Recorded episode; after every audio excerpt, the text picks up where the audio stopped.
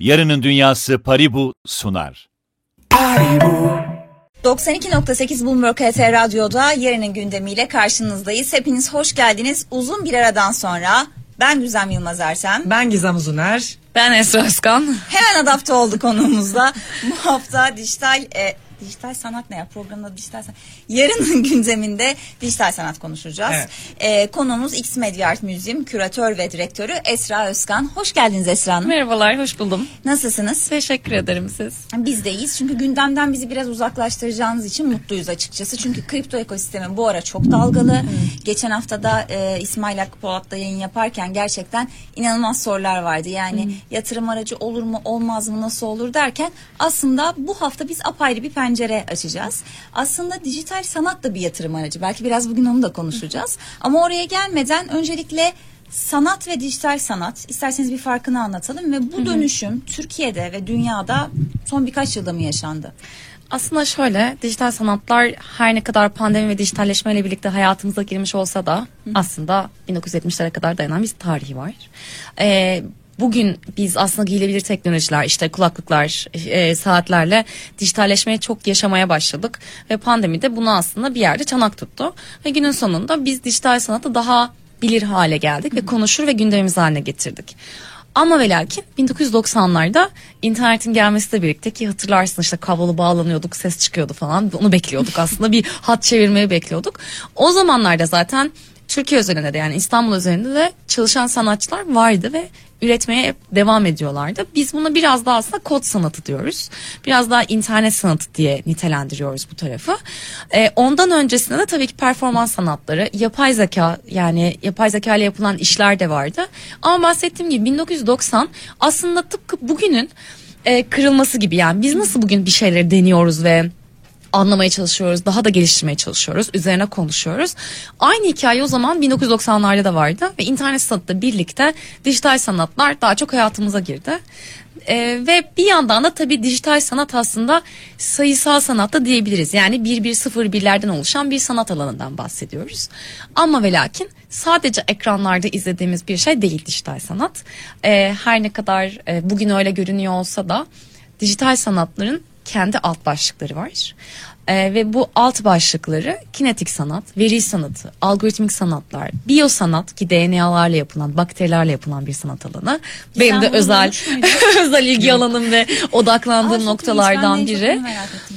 Ben Ee, çeşitliliğini soracaktım zaten size. Bu anlattığınız o mu? Yani mesela Evet. normalde işte resimde sulu boya deriz, yağlı boya deriz, kara kalem Evet. deriz. Hani az önce anlattığınız bu bakterilerle yapılan ya da işte biyo sanat ya da diğer sanat türleri bu dijital sanatın alt başlıkları Tam mı? tam olarak öyle. Ee, biz aslında hikayeyi yeni medya üzerinden kurguladık bunca zaman. Yani medium'un değişmesi, medyanın değişmesi. Medya her ne kadar bizim dünyamızda, yani sizin dünyanızda e, basılı, yazılı mecralar ve TV olsa da bizdeki medya ve medium aslında tamamen e, sanatçının çalıştığı materyalin değişmesi olarak tanımlandı. Tanımlanıyordu aslında. Bu doğru olan da bu. Ee, burada değişen hikayede algoritmalar, e, GIF, animasyon, keza az sonra bahsedeceğiz tabii ki NFT'ler, NFT üzerinden satılan sanat eserlerinde gördüğümüz yaklaşımlar, animasyon ve GIF'ler. Piksel sanatı ki bu yani çok eski bir alan aslında piksel sanatı. Onun dışında performanslar, e, bahsettiğim biyo tasarım, biyo sanat alanları, alt başlıkları. Peki klasik sanatta yani dijital olmayan da hep yıllardır konuşuyoruz. ya, Sanat sanat için midir, sanat toplum için midir? Dijital sanatta gerçekten eee, sanatçının ilhamı mı topluma yansıyor ve toplum onu kabul ediyor ya da etmiyor ama sanatçı üretmeye devam ediyor. Yoksa sanki dijital sanat dijital art bana hep şey gibi geliyor. Daha popülist bir sanat. Yani e, ne talep ediliyorsa ona göre üretiliyor. Aslında görünen o ama dünyadaki örneği o değil. Yani dünyada feminizmle de dijital sanat bi- birleştiren, e, dijital sanatın aktivizm rolü mesela çok fazla var. Özellikle bu e, Facebook dataların alınması ve datanın üzerinden Sanatçının özgürlük alanı ve öz, Evet. R değil de neyi de ekleyelim özgünlük alanı dijital artta da var. Evet tabii ki ve bu bu hikayelerde baktığımızda e, biz daha çok sanatçının neyi kullanmak istediğiyle konuşuyoruz. Yani çağdaş sanatta ya da plastik sanatlarda heykel yapabilirsiniz. Ama siz bu heykeli yaparken kil ya da çamur kullanıyorsanız onun ne kadar sürede donacağını, nasıl ıslatmanız gerektiğini, elinize nasıl şekil vermeniz gerektiğinin bazı teknikleri var. Bunu bilmeniz gerekiyor. Ama ve lakin her şey dijital sanatlarda da var. Hangi veriyi nasıl alacaksınız? Nasıl işleyebilirsiniz? Yapay zeka mı, deep learning mi yoksa makine öğrenmesi gibi aslında e, algoritmalar mı kullanmak istiyorsunuz? Sadece dijital sanatlardaki e, en büyük görünen ayrım şu multidisipliner olması. Bu zaten günümüzün insanında da böyle. Yani 20. yüzyıl 21. yüzyıl, yüzyıl insana baktığınız zaman multidisipliner olması son derece önemli. E, bu hem felsefi hem sosyolojik olarak da böyle. E, dijital sanatlarda da aynı şey var. Çok fazla karma yapılar. Müştereklik, dijital dünyada müşterek olmak, yapılan iş üzerine müşterek olmak. Sadece resim yapıyor olmak değil de resim yapıyorsanız belki bir mühendisle çalışabilir ve onunla birlikte de üretebilirsiniz. Ya da bir mekatronik ya da bir robotik üzerine çalışan biriyle yan yana gelip kinetik sanat da yapabilirsiniz. Dolayısıyla burası biraz daha paylaşımı çok ama bir yandan da özgürlük alanları da daha geniş. Çünkü e, sadece dijital üzerine değil ama üretilen eser bazında da konu ikiye ayrılıyor. Biri keşfet, biri dahil ol. Dahil olmak istediğiniz konuda teknoloji size zaten buna dokundum, elimi geri çektim ona bir tepki verdi. Ya da kolumu hareket ettirdim, bana bir tepki verdi. Ama keşfetmek istediğinde de biyosanat gibi bir şeye gidip bakteri inceleyip keşfedebilirim. Aslında ikiye ayrılan bir tarafı var. Bir interaktivite, e, yeni medya ama keşfettiğim noktalar bunların hepsi dijital sanatların yapı taşları diyebilirim. Şimdi aslında mesela bu konuştuğumuzun bir de realize olmuş hali var. Türkiye'nin ilk dijital sanat müzesi Türkiye'de e, X Media Art. Dolayısıyla bu X Media Art Museum'da sergilerinizden bir tanesi de Leonardo da Vinci- da Vinci'nin sergisiydi ki ben üç defa gittim bu arada çok güzel. şahane. E, gerçekten de bu arada izleyicilerimize dinleyicilerimize şu açıdan tavsiye edebilirim. Bence yalnız gidin ve hani kaybolun yani hani durup orada izlemek çok hoşuma gittiği için açıkçası kendi kendime gitmeyi de seviyorum. Bu nasıl bir sezon geçirdi Leonardo da Vinci? Bunu sormak istiyorum size. Hani ilgi var mıydı? Yeterince tanıtıldı mı? İnsanlar orada ne gösterildiğini biliyor mu? Bir de hani bu X Media Art Museum'da bir sonraki mesela Leonardo da Vinci'den sonra sizce kimleri göreceğiz? Şöyle aslında bir e, önce X Media Art Museum'u tanımlamak isterim. Çünkü burası Türkiye'nin ilk dijital sanatlar müzesi. E, bu ne demek? Biz burada bir kapsayıcı, çevreleyen veya sarmalayan aslında İngilizcesi immersive space ama ve lakin Türkçe karşılığını üçe ayırmak durumunda kalıyoruz. Hala tanımları oturtmaya çalıştığımız için. Burası bir kapsayıcı mekan deneyimi sunuyor. Sürükleyici bir deneyim sunuyor. Ee, serginin içine girdiğinizde sergideki eserin bir parçası olmanızı istiyoruz. Çünkü ölçeği değiştirilmiş bir gerçeklikle uğraşıyoruz. Yani extended reality diyoruz buna da. Ee, tüm bunları yaparken de tabii ki bir dijital sanatlar hikayesi anlatıyoruz. Bir müze gibi bir müze değiliz tabii ki. Ama bu alandaki bu az önce bahsettiğim alt başlıklar alanında çalışmalar yürütüyoruz. VR, XR, AR gibi aslında teknolojilerle entegre olduğumuz eserleri sergilemeye çalışıyoruz. Keza yine bu alanda e, e, çalışan önemli sanatçıların eserlerini immersive space'e yani kapsayıcı mekan deneyimine entegre edip sergiliyoruz. İzleyiciden beklentimiz ise annesini yaptığınız gibi yürü- yürümek. Gelmesi ve yürümesi. Çünkü deneyim kapıdan girdiği andan itibaren başlıyor. Aslında bir deneyim sunuyorsunuz orada. Çünkü yani ben biraz old school'um kabul ediyorum ama ben hala e, yani gerçekten 20'ye 20'lik bir yağlı boya bile olsa e, Leonardo'nun yaptığı ya da e, beğendiğiniz başka bir sanatçının e, yaptığı işte Dali'nin eserlerini çok severim. Ona bakmayı tercih ediyorum. Yani çünkü onun dijital olduğunu ve ona ait olmadığını biliyorum. Dolayısıyla da nasıl o sanatı hissedebilirim ki orada? Yani hep bunu sorguluyorum. Ama dediğim gibi ben biraz old school'um. Yeni dünyada ne vaat ediyor? Çünkü adı üstünde sanat ya. Evet. Hani nasıl gerçeklikten bu kadar kopabilir? Yani sanat en gerçek olan şey değil mi aslında? Tablonun Aslında- içine giriyormuşsun gibi oluyor. Evet. O bakımdan çok Aslında güzel. gerçeklikten kopmak değil de buradaki diyelim ki Fransa'dasınız ve Mona Lisa'yı göreceksiniz. Evet hatta iki hafta önce eşimle tartıştık. Güzem dördüncü kez Louvre'a giremezsin diye gireceğim. Dedim. Yine gireceğim. Evet. Şöyle. Şimdi Mona Lisa'yı bir izleme mesafeniz var. Önünüzde bir sürü insan Doğru. var ve yakına gidemiyorsunuz. Ve Evet. Mona Lisa'nın detaylarına ne kadar hakimsiniz. Ne kadar biliyorsunuz. Doğru söylüyorsunuz. Ama müzeye geldiğinizde Mona Lisa'yı o kadar büyük görüyorsunuz ki Mona Lisa'nın alnındaki tülün tülbenti var onun bir tane. Hı. Şeffaf bir Evet. tülbent. Onun çizgisine kadar görebiliyorsunuz.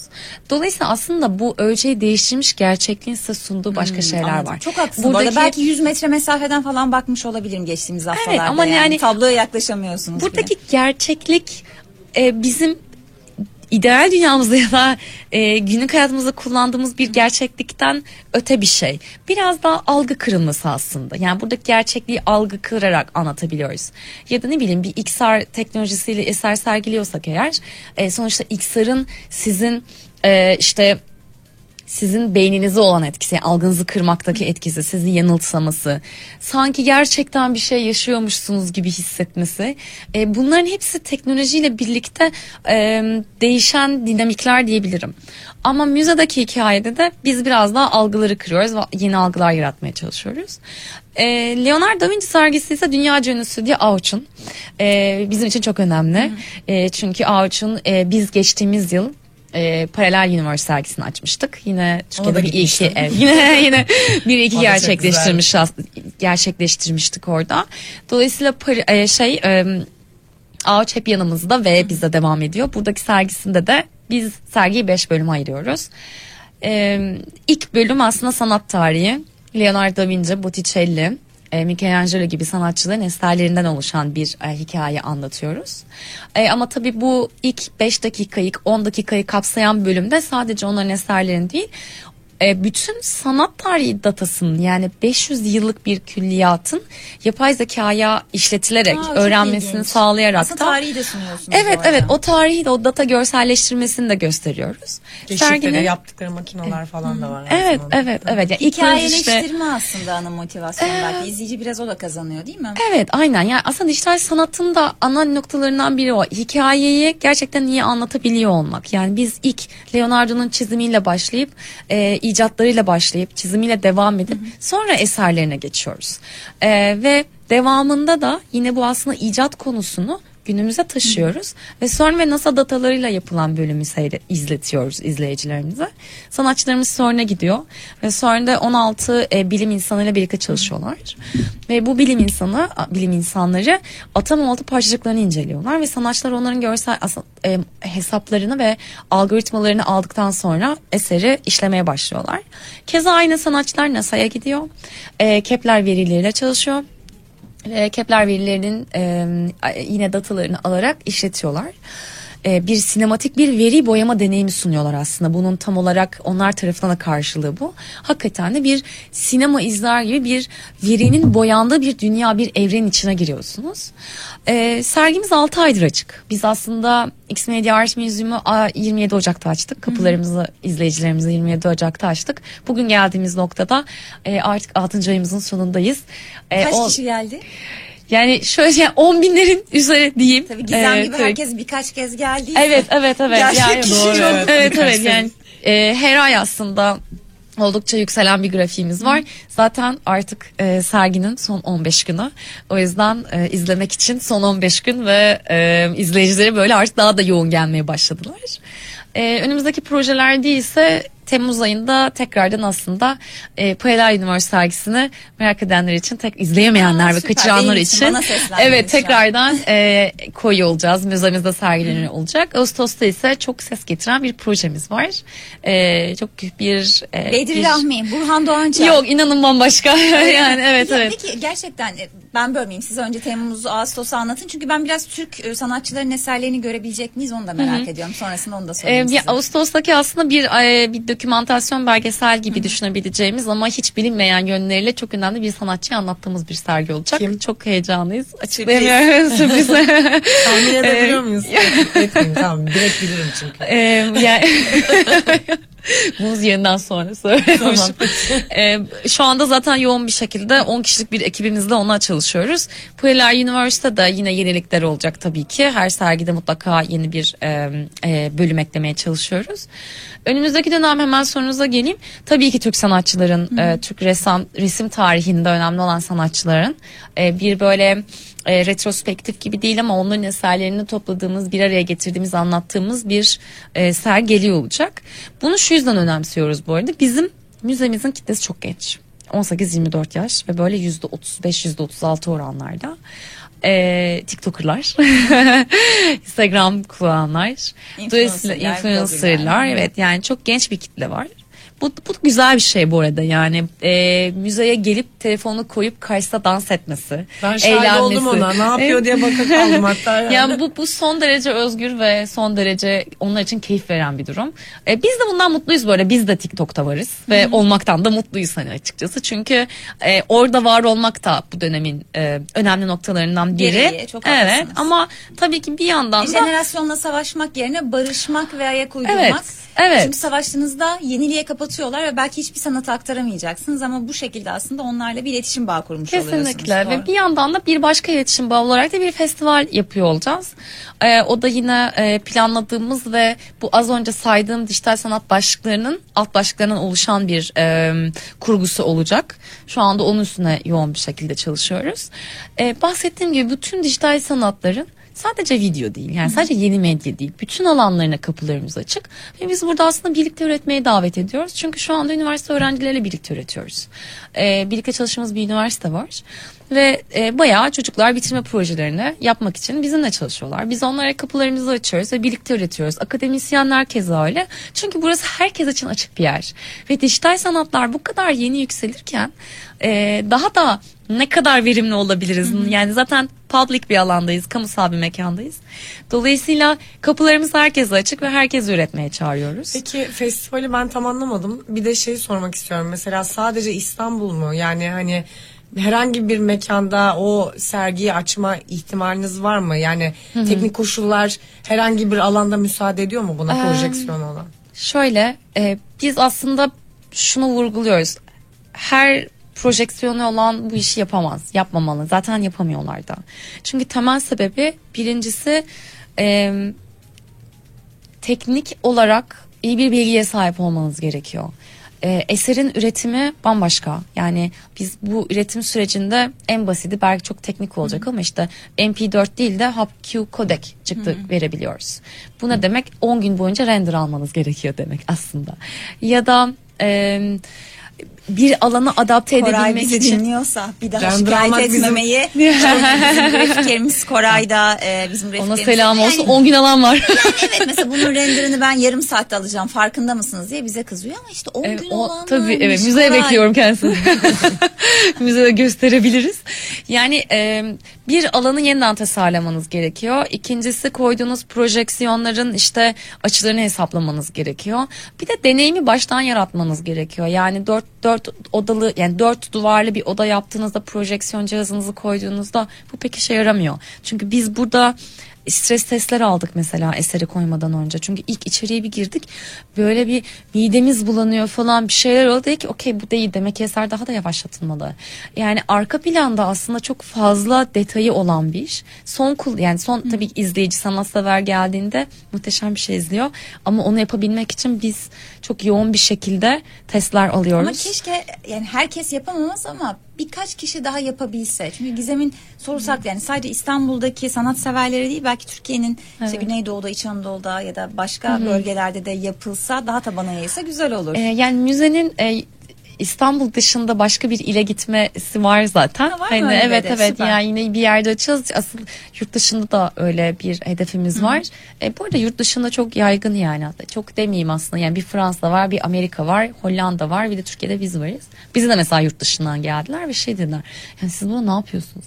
Biz Türkiye'nin dijital sanat müzesi ve inanamadılar. Yani hakikaten e, kendi standartlarıyla karşılaştırıp bize geldiler. Bu tabii bizim için çok mutluluk verici bir şey. Çünkü kullandığımız teknik altyapı ve teknoloji 35 sinema salonu ölçeğindeki bir teknoloji. Yani e, arka planda gerçekten başka bir hikaye var. E, böyle özetleyebilirim. Ya ben şahsi olarak sadece gitmeyenler için şunu tavsiye edebilirim. Tamamen burada konuştuğumuz bu teknik bilgiyi bir kenara söylüyorum. Eğer kafa dağıtmaya ihtiyacınız varsa gerçekten çok iyi geliyor. Özellikle Mercan Dede müzikleriyle beraber o sanatın içerisinde gezmek, gördüğünüz şey, ayaklarınızın altından geçen tablolar bunlar çok farklı bir tecrübe ve gerçekten de güzel bir şey var orada yani sanattan anlamanız ya da teknolojiden anlamanız çok da gerekmiyor. Sadece el- evet o deneyimi yaşayın. Yaşayın diyebilirim. Ben şey merak ediyorum. Bu NFT konusu çok konuşuyor. Hazır siz de sanatın bu kadar içinden doğru bir kişiye soracağımı düşünüyorum. NFT konusunda ne düşünüyorsunuz? Sanata, sanat camiasına etkisi hakkında ne düşünüyorsunuz? Şöyle, şimdi e, NFT'ler de aslında bir anda hayatımıza girmedi. Şimdi ben böyle hep tarihle gidiyorum ama kusura bakmayın. Evet, Çünkü biz hep şey düşünüyoruz. Ah bugün hemen oldu falan. Böyle bir şey yok. 2014 yılında ortaya çıkan bir Veris Art var. Christie's ve Sotheby's müzayede evlerinin verdiği eğitimler var blockchain üzerine. Keza İsmail Hocam, ona da. İsmail Hocam da bundan bir 3 yıl önce aslında yapmıştı onlarla bir konuşma. Dolayısıyla e, baktığımız çerçevede e, bu bir günde çıkmadı, bir günde hayatımıza da girmedi. Tıpkı diğer teknolojilerde ve sanatın ve teknolojinin birleşiminde olan eserlerde olduğu gibi. E, 2016-2017 biraz da aslında Christie's'in e, blok zincir ve sanat anlattığı seminerlerin olduğu bir dönemde anlattılar. Birkaç yıl böyle geçti ve ardından zaten Beeple'ın satışı gerçekleşti. Aslında zemini hazırlamışlardı zaten. Peki Beeple satışını gerçekleştirdi. Sonra ne oldu? Sonra Sayıları da söyleyin ama izleyiciler açısından Say- büyük olduğu anlaşınca daha da kıymetli oluyor çok, NFT. Çok güzel sordunuz. Şu an inanın hatırlamıyorum ama e, yani Milyar dolarlar milyar yani. dolar. Evet evet ve bu sadece birkaç saniyede oldu yani. E, devamındaki süreçte e, bu sektöre yani sektör demeyeyim bu alana daha önceden giren çok önemli sanatçılar var. Türkler de var bu arada. Bu arada yani dijital sanatlar alanında ve kesinlikle NFT alanında Türkler çok biliniyor. E, Her şeyi satmaya çalıştığımız için olabilir ya mi? aslında bence başka sebebi var. Çok ilginç bir sebebi var. AC ve 2'nin maymunu mesela inanılmaz ses getirdi yani. Yani şöyle e, e, yani hep şey var ya bir e, maymuna bu kadar para verilir mi? Ya da işte bir buna bu kadar para verilir mi tarafı? Aslında evet verilir. Verilmeli de. Çünkü biz burada bir şey deniyoruz. Burada hepimiz e, Web 3'ten önce bir şeyler denemeye çalışıyoruz ve almaya çalışıyoruz. E, bir yandan akıllı sözleşmeleri öğrenmeye çalışıyoruz. Sonuçta NFT dediğiniz şey bir yerde akıllı sözleşme. Ben burada sadece sanat eserimi satmak istiyorum Okey yani hani ayakkabı da satabilirim başka bir şey de satabilirim ama ben sadece eserimi satmak istiyorum. Okey. Bunun için de karşımdakiyle bir e, aslında hikaye kuruyorum yani. Okey eserimi alabilirsin. Aldıktan sonra başka birine satarsan eğer yüzde yedi ben alırım ya da yüzde ben on alırım gibi. Aslında sistemi orada kurguluyorsun. Evet, bu aslında tamamen sistem. blockchain Ya. Bunu çünkü Evet. olarak yapmanın imkanı yok. Ne yapacağız? Kapı kapı dolaşıp sanat eserlerini makasla dörde ona yirmiye bölüp Ya- verecek halimiz yok. aslında orada şöyle bir şey var. Hukuki olarak fikri sinayi haklar yasası var yani e, mülkiyet hakları. E, orada yazıyor yazılı maddeler var ama Türkiye sanat sektörüne baktığınızda ben tabii eskiden beri galeri ve sanat yani işte müzecikten geldiğim için e, çok da böyle işlenen şeyler yoktu yani. Siz sanatçısınız eseriniz satıldığında e, ben size bir para veriyorum. Ben koleksiyonerim başka birine sattığında da yine hukuken para vermem gerekiyor ama bunlar böyle işte sanatçının eseri kaybolur bulamazsın. Sanatçının eseri ona el değiştirir 20 yıl sonra belki eserini bir yerde görür gibi gibi üzücü şeyler oluyordu. Aslında NFT'ler buna gerçekten iyi bir çözüm oldu. Ama bence asıl konu e, merkeziyetsiz olmak. E, sanatçının kendini istediği gibi ifade ede- edebiliyor olması burada önemli. E, ve her yere ulaşabiliyor olması çok önemli. Yani mobilite kavramı. E, sanatçı için en çok bu önemli oldu. Ve Bir yandan da tabii şu oldu. Biz aslında dijital sanatların daha e, yaşlının düştüğünü gördük. Yani şu anda 26-27 yaşında olan genç sanatçılar, bu alanda üretenler e, platformlarda eserlerini satışa çıkarıyorlar ve eserlerini satıyorlar. Tabii şu büyük bir soru işareti. 10 yıl sonra bu eser kalıcı olacak mı? Ya da 10 yıl sonra hala bu geçerli ge- devam ettirecek mi? Bunu bilmiyoruz. Ama bir yandan da denememiz lazım, görmemiz lazım. Çünkü e, bir esere bu bir JPEG olabilir, bir MP4 olabilir. Fiziksel olarak bir eserden bahsedelim. Gerçekten bir yağlı e, tablosu. Bunun ödemesi mesela blockchain üzerinden yapılsa bu bir tabii ki NFT olmaz ama buna entegre edilebilir mi? Şöyle bir örnek var elimizde. Eserlerin, fiziki eserlerin satışını mesela kripto Evet. paralar ya da blockchain altyapılı bir ödeme sistemiyle gerçekleştirsek. Şöyle bir örnek var. O fotoğrafını hakkı için Evet yok. Fotoğrafını mesela eseri yaptınız. yağlı boya yaptınız. Fotoğrafını çektiniz, yüklediniz Tamam. ve dediniz ki bu eseri alana hani ene işte ödeyip işte kaç ethereum'sa neyse bunu alana ben eserimin orijinalini de göndereceğim. Dediğiniz Ha. noktada zaten karşılığı Sistem, buluyor. anladım. Ama bu olmalı mı? Bu da bir soru işareti. Çünkü zaten NFT'nin amacı o değil. Yani zaten ben fiziki eserimi koyayım değil ki konu. Zaten ben senin cüzdanına hani bir eser göndereceğim ve orada sen de kalacak.